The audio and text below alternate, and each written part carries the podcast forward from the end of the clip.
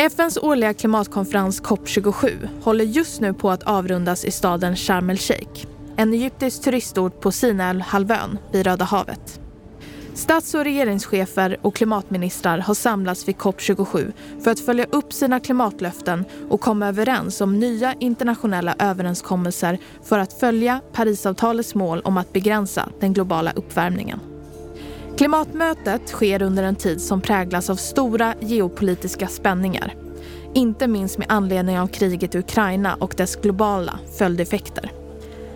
Samtidigt blir klimatförändringarnas konsekvenser allt mer tydliga. Sommaren 2022 var den varmaste som någonsin uppmätts i Europa. Miljontals människor lider av akut matbrist med anledning av svår torka och över 33 miljoner människor har drabbats av de kraftiga översvämningarna i Pakistan. EU-kommissionens ordförande Ursula von der Leyen sa tidigare under COP27 Låt oss inte ta motorvägen till helvetet utan låt oss förtjäna en biljett till himlen. Men vilka löften har länderna gjort under klimatkonferensen och vilka frågor har varit prioriterade under mötet? Hur har geopolitiska spänningar mellan olika länder påverkat förhandlingarna och vad kan vi vänta rörande åtgärder för att möta klimatförändringarnas konsekvenser? Du lyssnar på Folk och Försvar-podden. Folk och Försvar bidrar till att Sveriges säkerhet ska vara hela folkets angelägenhet.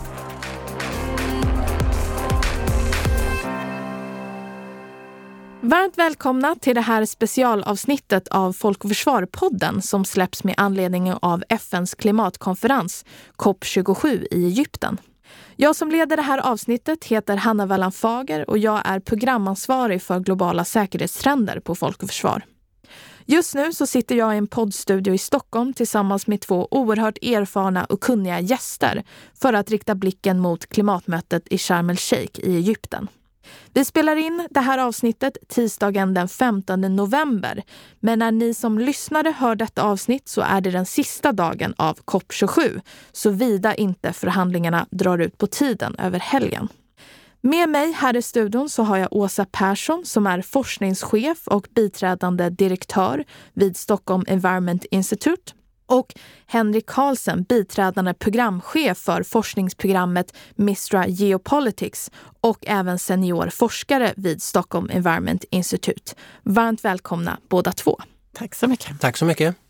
Det finns väldigt mycket att säga om COP27 och internationellt klimatarbete överlag. Men jag hade tänkt att vi i detta avsnitt framför allt skulle fokusera på säkerhetsfrågor. Dels att lyfta frågor som vilka säkerhetspolitiska spänningar som kan påverka det internationella samarbetet och specifikt klimatförhandlingarna under mötet. Men också åtgärder för att minimera de värsta säkerhetsrisker med anledning av klimatförändringarnas konsekvenser. Först vill jag dock eh, be er att kort berätta om era respektive forsknings och expertisområden om klimat och miljöfrågor också sammanlänkat till säkerhetsfrågor och hållbar utveckling. Eh, vad gör bland annat forskningsinstitutet, det internationella forskningsinstitutet Stockholm Environment Institute? Vill du börja och kort berätta om det, Åsa? Det kan jag göra. Vi är idag ett globalt forskningsinstitut. Eh, vi har åtta kontor runt hela världen. Vi grundades av svenska riksdagen 1989 för att göra tillämpad forskning kring miljö och utveckling. Och, eh, så vi skriver inte bara rapporter utan det är väldigt mycket verktyg som vi tar fram som kan hjälpa regeringar, och tjänstemän och även privata sektorn att försöka jobba systematiskt med hållbar utveckling. Och vi försöker också skapa mötesplatser där man kan ha eh, diskussioner baserat på forskning. Och Henrik, utöver att du är seniorforskare eh, vid Stockholm Environment Institute så är du även biträdande program, eh, programchef för Mistra Geopolitics. Vad gör det forskningsprogrammet? Ja, det, det, är ett ganska stort forskningsprogram för att vara i svensk kontext som samlar ett antal universitet och som leds av SI. Och det vi har försökt att göra i det här forskningsprogrammet är att sammanfoga från början två, ibland kallar de de två gröna sektorerna. Den gröna sektorn miljö och klimat som vi kommer ifrån då. Och den andra gröna sektorn, försvar och säkerhet. Eh, vi tyckte oss att identifierat ett gap här emellan de här två. Vi hör ju nu mer och mer att man pratar om klimatförändringarnas eventuella konsekvenser konf för konflikter.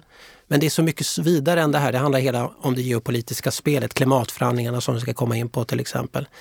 Och vi tyckte att vi hade såg en sorts naivitet från båda sidorna, att liksom den här klimat och miljö delen då var ganska naiv kring de geopolitiska realiteterna som ändå till syvende och sist styr ganska mycket internationellt samarbete, inklusive klimatförhandlingarna.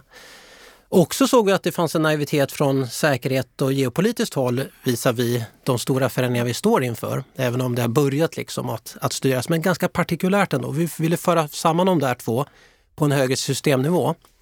Och sen är, är programmet inne i sin andra fas nu. I, I den här andra fasen har vi också adderat då framtidsteknologier, eller det som kallas emergenta teknologier ibland. Till exempel artificiell intelligens som det pratas mycket om idag det kan vara nanoteknologi eller andra materialteknologier.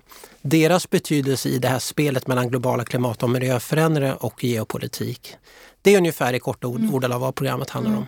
Väldigt intressant och väldigt roligt att ni båda är här för det här samtalet som kommer att handla om COP eh, som förkortas Conference of the Parties och är ju FNs årliga klimatkonferens där världens länder samlas för att hejda klimatförändringar och motverka dess konsekvenser men också att följa upp implementeringen av Parisavtalet från 2015. Eh, utöver representanter från ländernas regeringen så samlas ju också väldigt många företag, forskare, civilsamhällesrepresentanter. Du Åsa nämnde att du har varit på plats tidigare år också.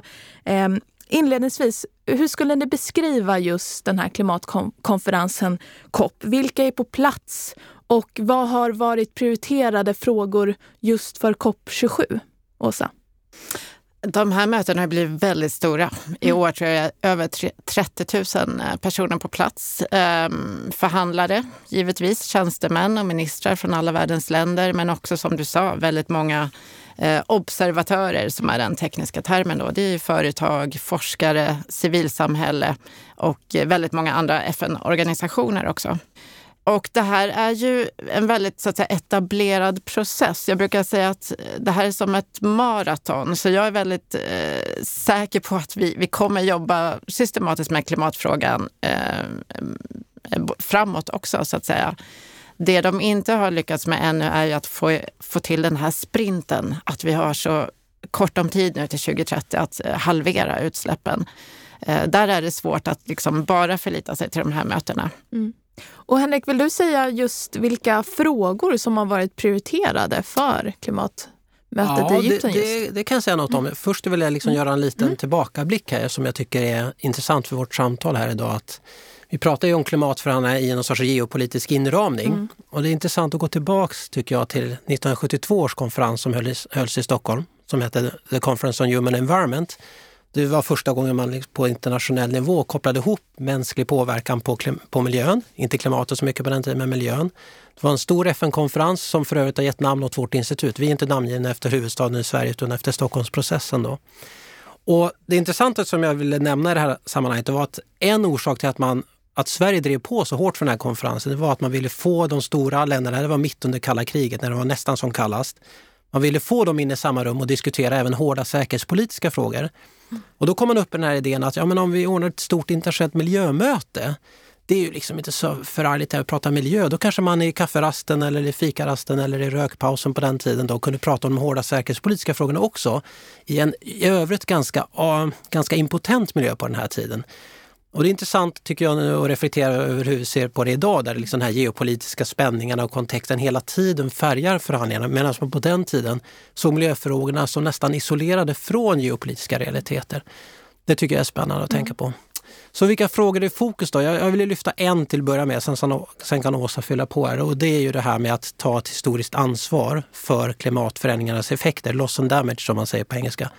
Skador och förluster, säger vi det på ja. svenska? Ja, skador och förluster ja. Den frågan har ju kommit upp mycket, mycket starkt inför det här mötet. Att, och vi har ju en inramning här nu att vi har, på samma gång som vi har kanske de hårdaste geopolitiska spänningarna på länge, så har vi, har vi ett år bakom oss när vi har sett verkligen vad klimatförändringen gör. Jag tänker främst på Pakistan då. Och de enorma översvämningar som har översvämmat en tredjedel av landet där. Och det handlar ju om det här med loss and damage då. Hur mycket ska den rika världen ersätta för de skador som, gör, som nu sker på grund av klimatförändringar i fattiga världen. För det, Alla är överens om att vårt välstånd har till stor del byggts på utsläpp av växthusgaser eller om man så vill billig energi. Vi har kunnat göra, bygga ett samhälle som baseras på billig energi. Och det, det som, vårt välstånd är ju inte proportionellt egentligen mot hur mycket växthusgaser som släpps ut per år utan historiskt hur mycket som har släppts ut. Och det är en ackumulation av både välstånd och växthusgaser som är intressant. Mm. Så det här med loss and damage, det, det, har varit ett starkt fokus på den här konferensen. Mm. Eller är på den här ja. konferensen fortsatt. Mm. Och jag tänkte att vi kommer komma in mer på det, hur det har gått med just den delen av skador och förluster, alltså minimera konsekvenserna och framförallt mm. den ekonomiska kompensationen som, som krävs. Eh, och Åsa, vill du nämna någonting mer? Jag vet att också det har varit just att hur man ska minimera de fossila utsläppen där kol har varit en, en sån diskussionsfråga. Vill du nämna mm. något om det? Nej, men nu i Egypten så diskuterar man ett arbetsprogram för utsläppsminskningar. Väldigt tekniskt. Men det handlar egentligen om att vad vi såg eh, förra året i Glasgow var att alla länders klimatplaner de, de var otillräckliga för att ligga i fas med Parisavtalets mål. Det här att vi gärna vill begränsa eh, uppvärmningen till en och en halv grader. Eh, så då har man eh, försökt hitta olika metoder. Då, att hur kan vi försöka uppmuntra varandra, länderna emellan, att eh, öka ambitionsnivån. Men jag är väl inte så optimistisk kring att man gör stora framsteg där faktiskt. Mm. Och fortfarande idag ser det ut som att vi går mot 2,5 graders uppvärmning. Sen är det mycket kring skador och förluster som Henrik nämnde, men man pratar också mycket om klimatanpassning och det handlar ju då mer om det här förberedande arbetet, att anpassa länder inför framtida uppvärmning. Och där handlar det också väldigt mycket om finansiering och pengar och det är väl den återkommande tematiken på alla klimatförhandlingar nästan, just kring pengar, finansiering, ge dem rika länderna tillräckligt med stöd till eh, de fattigare och mer sårbara länderna. Så att där har man ju också då ett... ett ehm, eh, de rika länderna fick en bakläxa eh, förra året i Glasgow att man skulle nå det här målet att komma upp i 100 miljarder i klimatstöd per år. Och där ligger man väl idag på ungefär drygt 80 miljarder. Så att det, det finns... Ehm, det har ju lett till ett förtroendegap mellan nord och syd. Mm. Mm. Och det är Egypten som är värdland för COP27. Det är femte gången som konferensen arrangeras eh, av ett afrikanskt land. Eh, och många afrikanska länder är också de som drabbas allra hårdast av klimatförändringarnas konsekvenser. Vad skulle ni säga, eller vad har ni hört om förväntningar på just Egypten som värdland, men också den kritik som har varit både innan och under konferensen?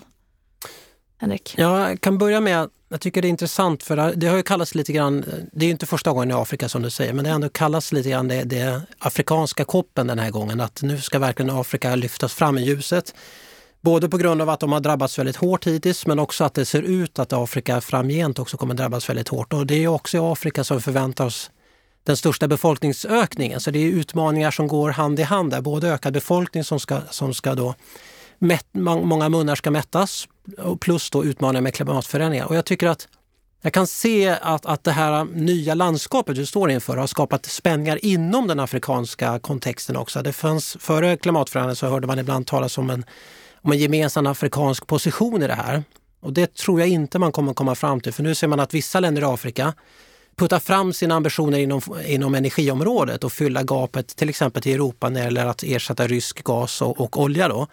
Senegal är ett sådant exempel. Mm. Medans, och då vill man liksom utöka snarare utvinning av fossila bränslen för att man ser en exportpotential, vilket är helt förståeligt för det genererar välstånd och inkomster i hårdvaluta.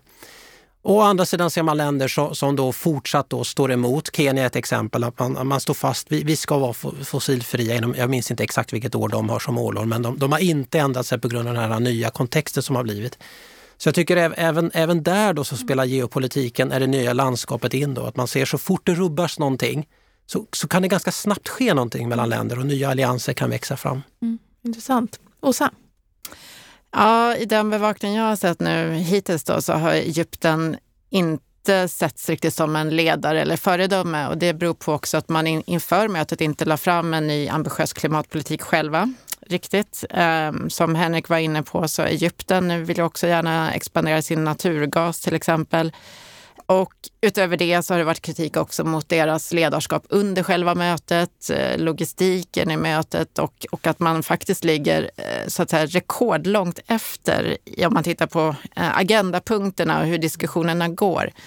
Så att det finns väl en liten brist på förtroende just i nuläget. Vi får se hur det slutar.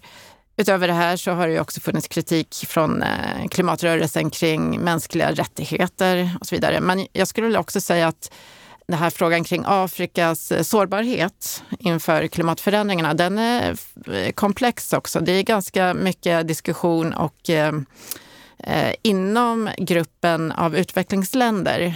Eh, du har de små önationerna, du har det som vi kallar minst utvecklade länder, least developed countries och så har vi afrikanska länderna och man har bråkat kring olika formuleringar där. Vem är mest sårbar? Och det är inte riktigt eh, löst än. Det finns lite ambivalenta skrivningar. Så att, tyvärr är väl det en dynamik vi också kommer få se ju, ju mer eh, klimatförändringen fortgår, ju mer skador och förluster vi ser. Att, liksom, vem är mest sårbar? Vem behöver mest stöd? Tyvärr kommer vi nog få se den dynamiken mer tror jag. Jag tänkte innan vi går in på mer om klimatförändringens konsekvenser och eh, även eh, kopplat till geopolitiska utmaningar som har präglat mötet så en fråga som jag har funderat kring bland annat är ju att Sverige har en gemensam förhandlingsposition tillsammans med EU men, eh, och man har inte särskilda mål. Men samtidigt så finns svenska statsråd och chefförhandlare på plats för att tydliggöra Sveriges egna åtaganden och även driva på andra länder i genomförandearbetet. Så kan Sverige förhandla på egen hand eller vad är det viktiga för Sverige just att vara på plats under klimattoppmötet och olika bilaterala eh, möten? Vad säger du Åsa? Ja, men det stämmer att det är EU som förhandlar eh, som en part. Så att säga. Men där har ju Sverige en viktig roll att vara med och koordinera EUs ståndpunkter både inför och under COP. Men eh, Sverige har definitivt en roll också så att säga, utanför förhandlingarna. Eh, man kan driva olika initiativ och där har man ju chans både att visa upp sin nationella politik och hur man vill stödja det internationella arbetet. Så som exempel så har ju Sverige och Indien eh, tagit initiativ till en ledarskapsgrupp kring den tunga industrins omställning. Säkert har ju många lyssnare hört om det här fossilfria stålet mm. som ska produceras i norra Sverige. Så det till exempel något där man försöker vara en, Sverige försöker vara en föregångare och leda sådana möten. Sen har Sverige traditionellt varit en väldigt stor givare av klimatbistånd. Eh, också det ger ju en eh, trovärdighet och liksom ett moraliskt ledarskap. Eh, I år har vi inte hört så många nya utfästelser. Vi har en ny regering så det kanske kommer senare. Men såna, en sån roll är också väldigt viktig, att visa det här stödet. Mm. Och vad skulle du säga, eh, Henrik, de åtaganden och eh, samtal som sker under konferensen, kan det leda till förändringar i praktiken vad gäller de svenska klimat och miljömålen? Oj, det var en svår fråga. Nej, den, den måste jag passa på. Ja. Den, den, har jag inte tänkt på. Jag vet inte om Åsa har tänkt på den frågan.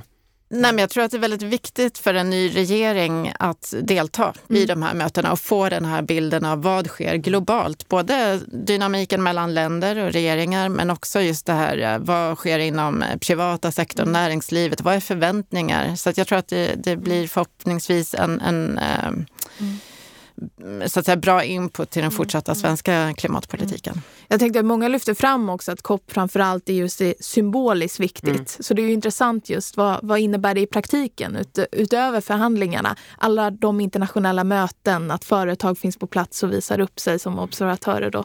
Men jag vill lägga till, jag kommer på en sak om den svenska positionen här som jag vill lägga till som jag tycker vi har lite, lite grann glömt bort. Att under de, sen den nya regeringen tillträdde så har det varit väldigt fokus på att liksom se på skillnader mellan den förra regeringen och den här regeringens klimat och miljöpolitik. Eller vi, mm. vi stannar vid klimat kanske i den här diskussionen.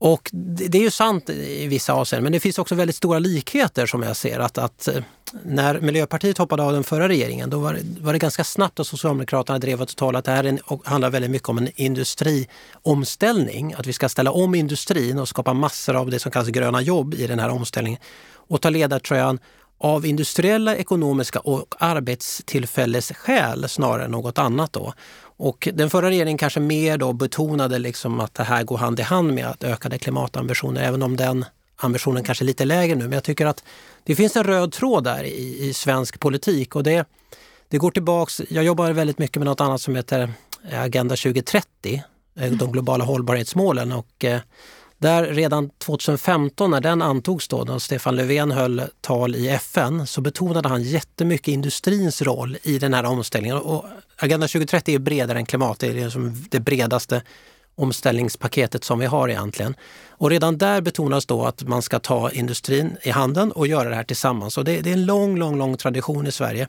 Och jag ser lite grann det här också som ett Ibland sägs det att den här Saltsjöbadsandan som man ibland mm. pratar om, att det har funnits ganska nära band mellan den, den högsta politiska eliten och näringslivseliten, att den har lite grann försvunnit under det senaste decenniet. Och det här ser jag lite grann som ett, ett försök att liksom återta den där svenska specialiteten, att det finns då en, en samsyn mellan industri och politik kring stora utmaningar och i det här fallet en global utmaning. Och där ser jag en röd tråd som den här regeringen tar mm. över från den förra. Mm. Ja, nej, men jag kan lägga till där att det här skulle jag säga också inte bara en svensk eh, trend, utan vad vi ser i klimatpolitiken i stort, om vi tittar eh, bredare utanför de här COP-mötena, det är ju att eh, idén om en grön industripolitik har verkligen eh, väckt intresse. Just att man ser möjligheten för utveckling och tillväxt, eh, men också eh, en, eh, en klimatomställning. Så att det är flera länder som vill gärna liksom, använda klimatomställningen för att eh, omstrukturera eller bygga nya industrier. Och det finns också nu liksom eh, tolkningar av hela klimatregimen här att det kommer handla mindre och mindre om de här mellanstatliga förhandlingarna som jag sa innan är mm. ganska byråkratiska och mer om en slags logik där sektorer går samman. Eh, och det kan handla både om stora företag men också länder kring till exempel tung industri, kring eh, avskogning, kring jordbruket, kring förnybar energi och så sätter man olika mål, har olika initiativ och försöker liksom kollektivt sporra varandra. Och eh, ja, vi får se hur, hur framgångsrikt det blir. Men jag tror att många tittar nu mera på den typen av eh, samarbete och kanske lite mindre nu på de här mellanstatliga förhandlingarna. Mm. Henrik? Får jag lägga till en sak ja. här som jag tycker är jätteintressant som vi inte heller pratar mycket om och det är, ibland kallas det policy timing. Och jag mm. tycker industripolitik och klimat och fallet Tyskland illustrerar det ganska väl. Tysk politisk ledning eller elit har länge vetat att uh, när det gäller transporter så är det elektrifiering som gäller. Samtidigt så vill man ge sin egen industri tid att ställa om. Mm. Tysk bilindustri tillsammans med underleverantörer kanske anställer upp mot en miljon människor i alla fall. Ja, mellan en halv till en miljon människor jobbar inom det klustret i Tyskland. Och man såg vad som hände med Tesla och man insåg liksom att vi måste också gå där. Vi vill inte förlora initiativet. Vi vill inte bli en underleverantör som Foxconn till exempel som har blivit en underleverantör till Apple. Vi vill inte att Mercedes är en underleverantör till Tesla i framtiden. Vi vill äga slutkunden. Det är jätteviktigt i tysk politik. Och då blir det ett intressant policyproblem för tysk politik. Man vill då införa restriktioner men man vill inte införa dem så snabbt att man förlorar konkurrenskraft. Och det, det är en viktig, viktig del av, av den här gröna industripolitiken, att hitta rätt policy timing. Så att man får liksom den här utväxlingen och kan behålla sin konkurrenskraft på en global arena. Mm. Det är jätteintressant och jag tänkte utifrån det, den här policy-timingen, så befinner vi oss i en ganska kritisk tid där vi har sett flera kriser avlösa varandra. Vi hade coronapandemin, nu har vi höga energipriser, hög inflation samtidigt som vi ser följderna av kriget i Ukraina och stora störningar med de globala livsmedelskedjorna och sen även klimatförändringarnas konsekvenser där 2022 har varit rekordår på många sätt. Henrik, du nämnde Pakistan eh, tidigare. Vi har svår torka i många länder.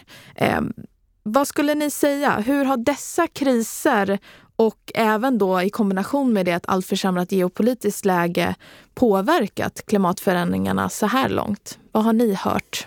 Ja, alltså det, det är ju som vi sa inledningsvis, det är ju ett oerhört kärvt läge och vi har ju corona, vi har krig i Europa.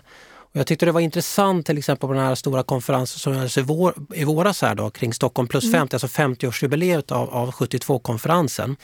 Jag hade trott att alla, i princip alla delegationer skulle nämna kriget i Ukraina. Så var det inte alls, utan det var ganska europeiskt, västligt, eh, nordamerikanskt perspektiv kring kriget i Ukraina. Det finns massor andra problem där ute i Afrika till exempel eh, och i Asien. Och jag tror när det gäller det här landskapet som vi står inför så tror jag att, att en, en avgörande fråga, om, om vi kan få en avgörande fråga på plats så tror jag vi kan ha framgång i detta och det är det långsiktiga perspektivet. Och det tyckte jag att jag såg i, under Stockholmskonferensen i, i våras. Då, att det var en av de saker, och det är även Guterres, FNs generalsekreterare, slagit på trumman för ganska länge nu, att vi måste börja tänka mer långsiktigt. Vi måste mm. börja tänka på nästa generation och vi måste ta ett intergenerationellt ansvar som det kallas. Att vi måste ta ansvar för nästkommande generationer. Mm. Om man kan få ett mer långsiktigt tänkande på plats kring de här frågorna i den här kristiden, då tror jag att, att man kan nå framgång. För att någon klok person har sagt någon gång att i det långa perspektivet så konvergerar egenintresset med allmänintresset. Och det är många sådana här frågor som eh, målkonflikter mm. eller kan bli synergier. Och om de är målkonflikter eller synergier, det beror på vilket tidsperspektiv du anlägger. Så att börja tänka och agera och bygga institutioner som kan ta långsiktiga beslut. Mm. Din fråga där, hur har de här geopolitiken och kriserna påverkat de här klimatförhandlingarna? Jag, ska, jag är lite ändå positivt överraskad där att faktiskt mm. Ryssland och Ukraina-kriget har inte sått splitt, tycker jag, så mycket mellan länder. Um, utan när jag nu läser och följer klimatförhandlingarna så är det ändå konfliktlinjen mellan nord och syd skulle jag säga. Och det är det här förtroendegapet och det handlar om klimatfinansieringen och skador och förluster. Sen, eh, sen började liksom eh, de här sprickorna mellan de eh, tillväxtekonomierna inom det här stora sydblocket, eller G77 då, som den alliansen kallas, Kina, Indien, Sydafrika, eh, Brasilien, Indonesien. Deras intressen och förutsättningar ser ju väldigt annorlunda ut mot till exempel små önationer eller väldigt mm. fattiga afrikanska länder. Så att, eh, och det här blir tydligare för varje, för varje år skulle jag säga. Så att, eh, nu läser jag här till exempel att eh, Kina och Indien var lite eller förlåt, så här var det. Vissa fattiga länder de tyckte att Kina och Indien skulle betala in pengar för de här skadorna och mm. förlusterna. Och det är ju en ganska stor skillnad mellan hur man har förhandlat tidigare. Mm. Jag bara kort lägga till. Ja. Jag såg att den ryska chefsdelegaten i Sharm el-Sheikh har sagt det att trots de västliga sanktionerna mot Ryssland så står man fast vid sina klimatmål som är klimatneutralitet 2060. Så det är väl ett exempel på det här att, att man står ändå fast vid dem. Och man gör, försöker göra en politisk poäng där, trots de väst, västliga sanktionerna mot oss så står vi fast vid våra klimatmål. Mm.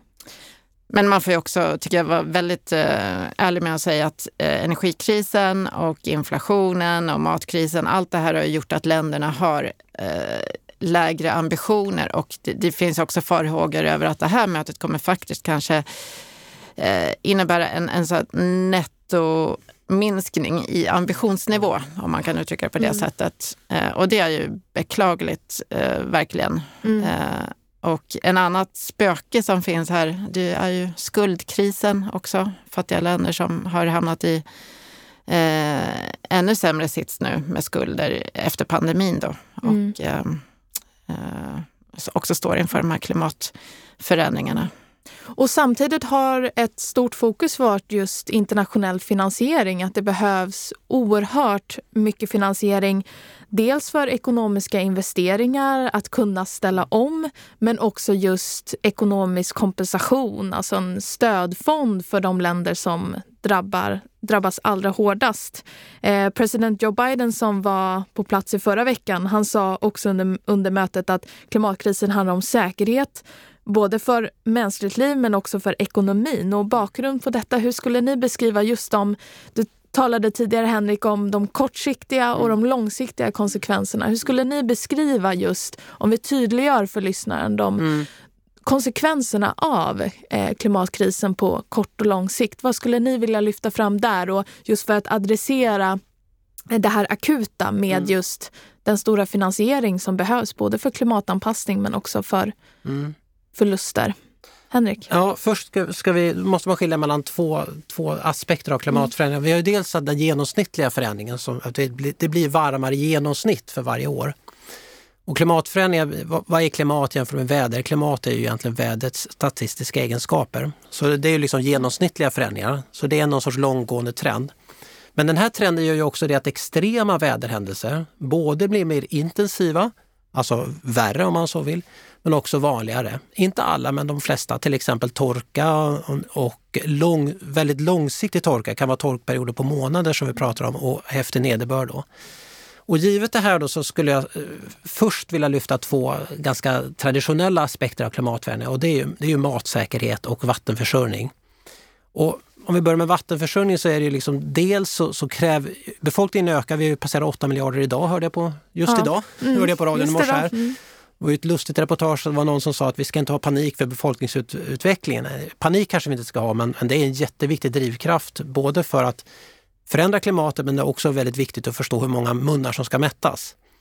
Och när det gäller vattenfrågan då så är det, det har ju avsmältning av glaciärer till exempel som ett stort problem för att det, de här avsmältningarna av glaciärer är ju en väldigt viktig vattentillförsel för många länder, till exempel runt Indien är ett sådant bra exempel. Och det är dricksvatten, men det är också allt vatten som går åt i våra industriella processer. I rika länder så är det en bråkdel av vattnet som egentligen går till livsmedel. Det är allt annat, tillverka jeans, tillverka bilar, vad det nu än är. Och nu börjar vattenfrågan även lyftas i ett land som Sverige. Att vi har varit bortskämda på samma sätt som vi har inte behövt tänka på elräkningar. Vi har inte behövt tänka på vattenräkningen heller. Och då kan man tänka sig, om, om man är länder som Sverige och Finland, om man tittar bara på en enkel karta hur det ser ut i de här länderna. Om vi börjar diskutera vattenproblem här, då kan man bara föreställa sig hur det kommer bli på andra ställen i världen. Sen när det matsäkerhet är, är, är det är väldigt, väldigt komplext. Det är ju både så att vissa grödor kommer faktiskt öka i, i, i avkastning. Både på att det blir lite varmare och tjäna på det, men också att ökad koldioxidhalt i, i atmosfären Växter gillar ju faktiskt koldioxid, det är ju fotosyntesen. Så det finns ju vissa länder som kan få en lite ökad produktion av, av livsmedel också.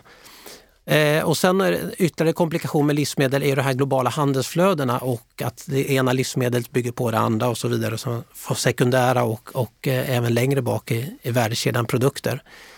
Och om man bara tar Sverige som exempel så eh, ungefär hälften av den mat vi konsumerar importerar vi och det har ökat väldigt, väldigt snabbt. Och det gäller inte bara rika länder som Sverige utan även många länder som vi har sett nu i kölvattnet efter kriget i, eller under kriget i Ukraina ska jag säga.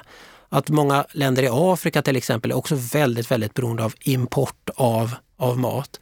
Så det är både produktion på plats men också ett väldigt komplext nätverk av, av de mattransporter som, som kan potentiellt, eh, inte slås ut kanske, men kan bli hotade av klimatförändringarna. Mm. Mm. Och ska bara lägga till en sista sak, att man brukar säga det att i, i rika länder så är det stora matsvinnet när maten har kommit hem på köksbordet. I fattiga länder så är stor, det största matsvinnet på väg till köksbordet. Alltså lagring är ju en sån sak som kommer bli antagligen väldigt, väldigt svår. Om det blir varmare mm. kommer det kosta mer energi att, att lagra mat och man måste bygga andra typer av tekniska lösningar som i sin tur också kan generera mer klimatförändringar. Så mm. vi sitter i ganska många rävsaxar här. Många utmaningar. Åsa? Nej men eh, precis, klimatförändringen kommer ge eh, upphov till säkerhetsrisker som, som Henrik beskrev när det gäller mat och vatten till exempel. Vi vet även att Eh, mänsklig hälsa påverkas, nya virussjukdomar som sprids vid nya temperaturer. Eh, energisystemet påverkas. Kan vi eh, kyla eh, kärnkraften på, på rätt sätt och så vidare. Så det här har ju IPCC-rapporterna så att säga, sammanställt forskning kring i många, många år. Det som jag tycker har kommit upp mer i debatten och förståelsen eh, nu på sistone när man kopplar ihop klimat och säkerhet, det är också att klimatomställningen i sig ger eh, potentiella säkerhetsrisker. Och där kan man ju verkligen försöka alltså, eh, se hur olika länder agerar nu. Ehm, eh, hur vill man säkerställa, till exempel om man är då en producent av olja, gas och kol, hur vill man försöka få ut så mycket intäkter av det så länge det går. Vilka olika strategier kommer olika länder att eh, ta? Och där ska jag säga, det som är kanske eh, liksom oroväckande speciellt, det är väl de här potentiella krutdurkarna. Mm. Alltså delar av världen där du både är väldigt klimatsårbar, eh, torka, eh, vattenbrist. Du är kanske beroende av de här eh, intäkterna från export av fossila bränslen. Eh, där kan det ju bli väldigt instabilt och eh, ja, det finns ju som Henrik känner till den här forskningen med att det kan vara svårt ibland att dra enkla orsakssamband mellan förändrat klimat och klimatomställning och säkerhet. Men jag tror att eh, vad som har blivit uppenbart nu de sista åren, det är ju det här att det, det kan leda till en oro i samhället och politisk turbulens eh, som också kopplas ihop med andra, kanske mer eh, helt andra influenser. Det kan vara inrikespolitik. Eh, men det, det blir en toxisk eh, mix av eh, risker helt enkelt. Mm. Jag kan lägga till, tycker jag här då, lite grann på samma tråd som Åsa är inne på, att, att om man tar Saudiarabien och Sydafrika som exempel, Sydafrika först, mm. då brukar det ibland hävdas att ja, det är så viktigt för, för liksom energisäkerheten i Sydafrika och också export faktiskt av kol, att man har kolindustrin. Men det kanske allra viktigaste skälet till att man vill skydda sin kolindustri är att det genererar oerhört många jobb. Om det är något regeringen är oroligt och rädd för så är det många unga män som är arbetslösa. Det vill man inte ha i ett samhälle. Och Saudiarabien är ju ett land där man i princip har en medborgarlön. Det som ibland lite nästan skämt pratas om i våra rika länder. Det har man ju redan i Saudiarabien, man har haft länge. Alla saudiarabiska medborgare får eh, en ganska väl tilltaget bidrag från staten varje år. Och, och, om man drar bort det för att intäkterna av, av oljeexport dras ner, då får man också potentiellt en social oro som man absolut inte vill ha. Så den här, vad, vad, hur ser ett hur ser ett Saudiarabien ut där ingen efterfrågar deras varor? Hur ser ett Ryssland ut? Som vi kanske kan komma in på. Hur ser ett Ryssland ut när ingen ja. efterfrågar deras gas eller olja? Och hur ser ett Sydafrika ut när, när vi har 100 000, miljoner mer människor i arbetslöshet? Mm. Det är också säkerhets, potentiella säkerhetsrisker med det. Ja. Jag tänker eh, om vi tar Sydafrika som exempel, för eh, man gjorde överenskommelser från förra klimattoppmötet, COP26 bland annat, att man skulle ställa om eller stö andra länder, framförallt andra väst, västländer skulle stödja Sydafrika att ställa om kol eh, kolindustrin till förnyelsebara energikällor. Eh, att man gav några eh, miljarder dollar eh, men sen så räknade man på det och sa att nej men det behöver ju tio gånger mm. mm. mer miljarder dollar för att kunna göra den omställningen. Eh, under den här konferensen har det ju varit spänningar, du nämnde Åsa, mellan eh, nord och syd kring just de ekonomiska resurserna som behövs, bland annat för skador och eh, förluster, de som drabbas allra eh, hårdast. Där det har varit spänningar just med vad man lovar i form av kompensationsstöd. Eh, höginkomstländer har sagt att eh, man bland annat skulle ge 100 miljarder dollar per år för att stötta låg och medelinkomstländer. Det här har man inte levt upp till. Hur skulle ni beskriva, utsikterna just för att komma överens om finansieringsfrågorna för bland annat klimatanpassning? Åsa? Eh, ja, men som jag sa innan, det här är liksom den eviga knäckfrågan mm. och det, det har, finns ett historiskt förtroendeglapp mellan nord och syd. För det första kan man skilja på om det handlar om finansiering till vad vi kallar klimatanpassning mm. Eh, eller för all del också skador och förluster eller finansiering av klimatomställningen. Mm. För att, och då handlar det om att eh, byta ut kolet mot förnybar energi till exempel. När det gäller klimatomställningen, den senare där, då har det ofta mera eh, kommersiella intressen. Det kan löna sig helt enkelt. Du kan få en intäkt. Så det mm. brukar vara mycket lättare att... Alltså kapitalet går till den eh, typen av aktiviteter. Och till och med, det finns ju privat kapital som eh, söker sig till den typen av omställning. Men när det gäller klimatanpassning mm. och skador och förluster, då handlar det väldigt mycket om offentligt stöd, alltså bistånd. Ja, alltså nu tycker jag, jag bedömer det politiska läget som att nu måste helt enkelt de här rika länderna leverera de här 100 miljarderna. Man, det är svårt att hitta ursäkter och de har ju till och med tagit fram en, en eh, plan för hur man ska kunna göra det till eh, nästa år, 2023. Mm. Men jag tycker en aspekt man inte får glömma heller när det gäller finansiering, det är att pengarna ska användas på ett bra sätt. Och jag tror eh, att man kommer behöva jobba mer med institutioner och det man säger governance i eh, en del av de här eh, mottagarländerna.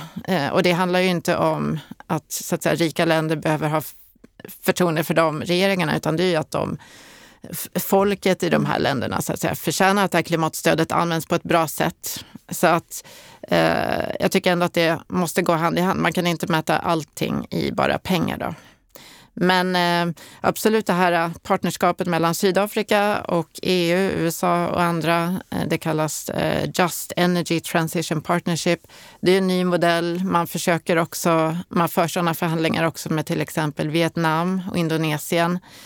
Eh, där det har varit svårare att komma till en överenskommelse. Får jag fråga, eh, gör man det under det här eh, klimattoppmötet eller har det skett tidigare också? Det har pågått under en längre tid. Jag tror man börjar med det innan Glasgow. Och där, det får man ge Storbritannien. De hade ett väldigt ambitiöst ordförandeskap inför Glasgow så de inledde den här nya typen av bilaterala förhandlingar som du beskrev, det, det, är mycket detaljfrågor i det där som måste fortfarande redas ut. Man kanske inte var så överens som man trodde från början. Eh, men, eh, men det är intressant att se om det kan bli en modell man kan använda eh, bredare. Ja. Mm. Henrik? Ja, man, man kan få en känsla för utmaningens komplexitet och storhet när man tänker om vi inte ens kan lyckas övertyga Norge, Storbritannien och USA om att ja, men en del av det här, era resurser kanske måste ligga kvar i backen. Norge vrider sig som en mask liksom för att hitta nya tillämpningsområden och säger till exempel att vi kanske inte ska elda den oljan vi tar upp, men vi ska mm. göra avancerade plaster och bättre legoklossar eller vad det nu kan vara. Liksom. Men om vi inte ens kan övertyga sådana länder om att en del av, eller en ganska stor del av era resurser måste ligga kvar i backen, då kan vi bara föreställa oss hur ska vi samtidigt kunna övertyga Nigeria om att göra något sånt? Det är ju en helt ganska orimlig tanke. Men om vi lyckas med det här, då kanske det här kan leda till något gott, att det minskar skillnaderna mellan länder i nord och syd. Och det bygger solidaritet. Alltså vi gjorde faktiskt den här omställningen tillsammans. Den rika världen hjälpte den fattiga, den fattiga, de fattiga länderna att göra den här omställningen. Och ibland när jag är på positivt humör kan jag tänka mig att det kanske finns ett embryo till ökad solidaritet mellan länder om vi verkligen går i land med det här tillsammans. Mm. För om vi inte går i land med det här, ja, det är ett väldigt mörkt scenario, men går vi i land så kan det också kanske bidra till ökad solidaritet mellan, mellan människor hoppas jag. Mm. Och förhoppningsvis skulle vi kunna avrunda det här samtalet med positivitet eh, fast med bakgrund att eh, klimattoppmötet COP27 började ganska dystert med att det var väldigt få länder som hade skickat in sina nationella, ambitiösa nationella klimatplaner. Eh, om jag tror att det är bara 29 länder eller något sådant som har gjort detta. Eh, men om vi ska sammanfatta klimatförhandlingarna hittills, är det något hoppfullt resultat som ni har skett eller någonting som vi kan vänta som kanske har förvånat? Vi kan ju hoppas att det sker framsteg nu sista veckan här. Det brukar alltid vara en viss eh, dramaturgisk kurva på de här mötena. Ehm, eh, så att nu är vi kanske i det där dystraste läget här en dryg vecka in i förhandlingarna. Men jag får säga, helt ärligt så har det väl inte varit många positiva överraskningar. Men om man ändå ska hitta något så tycker jag som sagt eh, det faktum att eh, eh, Ukraina-kriget och Ryssland inte har stört förhandlingarna mer. Det får man ändå se som positivt. Folk jobbar på med klimatomställningen. Sen märks det ju tydligt att USA har tagit en eh, aktiv roll igen nu under Bidens ehm, presidentskap. Och det var också eh, intressant att höra här att USA och Kina har börjat eh, föra samtal igen, inklusive klimat här i, under G20-mötet som pågår parallellt. Biden besökte också Egypten. Det ger ju en signal om hur man prioriterar frågan i USA. Och där är man ju också en mer trovärdig aktör nu när man har det här stora eh, nationella paketet eh, klimatlagstiftning som kallas Inflation Reduction Act. Så man, liksom EU kan man liksom backa upp sina eh, mål och sin fina retorik på att man faktiskt har infört nya politiska styrmedel och lagstiftning och så vidare till sist också Australien tycker jag är ett intressant land. De mm. har också nu, de har ny regering och har steppat upp um, och kommer med konstruktiva förslag. De är ett intressant land för att de är ett rikt land. De har beroende av fossila bränslen och export av kol. Men de är också väldigt klimatsårbara. Mm. Så att Australien ligger faktiskt där uppe på den här listan på vilka är mest sårbara länder som Eh, tillsammans med då små önationer och afrikanska länder. Så att jag tycker de är en väldigt eh, intressant exempel att följa. Mm. Tack. Henrik? Ja, alldeles helt kort då. Jag, jag är optimist kring en sak och det är beroende på att det finns ett tvång. Mm. Och jag tror att man kommer nå 100 miljarder. Jag tror inte man kan åka hem med hedern i behåll om vi inte når det. Och det är ganska, från 80 till 100, det tror jag faktiskt med rimlighet går att fixa till. Och det skulle vara ganska symboliskt viktigt att man går i land med någonting och jag tror att trycket är så hårt att man måste lyckas med någonting. Jag tror utsläppsbegränsningar är betydligt svårare men den, den, de där extra 20 eller vad det nu är handlar om, det tror jag man kommer fixa till för det, det går inte att åka hem med heden i behåll för ledare från rika länder annars. Mm. Tack så jättemycket för er medverkan i Folk och Försvar-podden. Åsa Persson, forskningschef och biträdande direktör vid Stockholm Environment Institute och Henrik Karlsen, biträdande programchef för Mistra Geopolitics och även seniorforskare vid Stockholm Environment Institute. Tack så mycket. Tack själv.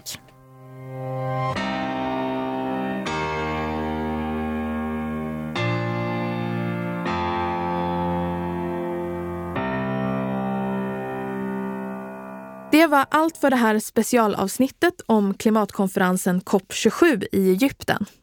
Om du vill fortsätta lyssna på Folk och Försvar-podden där vi släpper nya avsnitt varannan fredag så gå då gärna in och tryck på prenumerera-knappen i din podcast-app.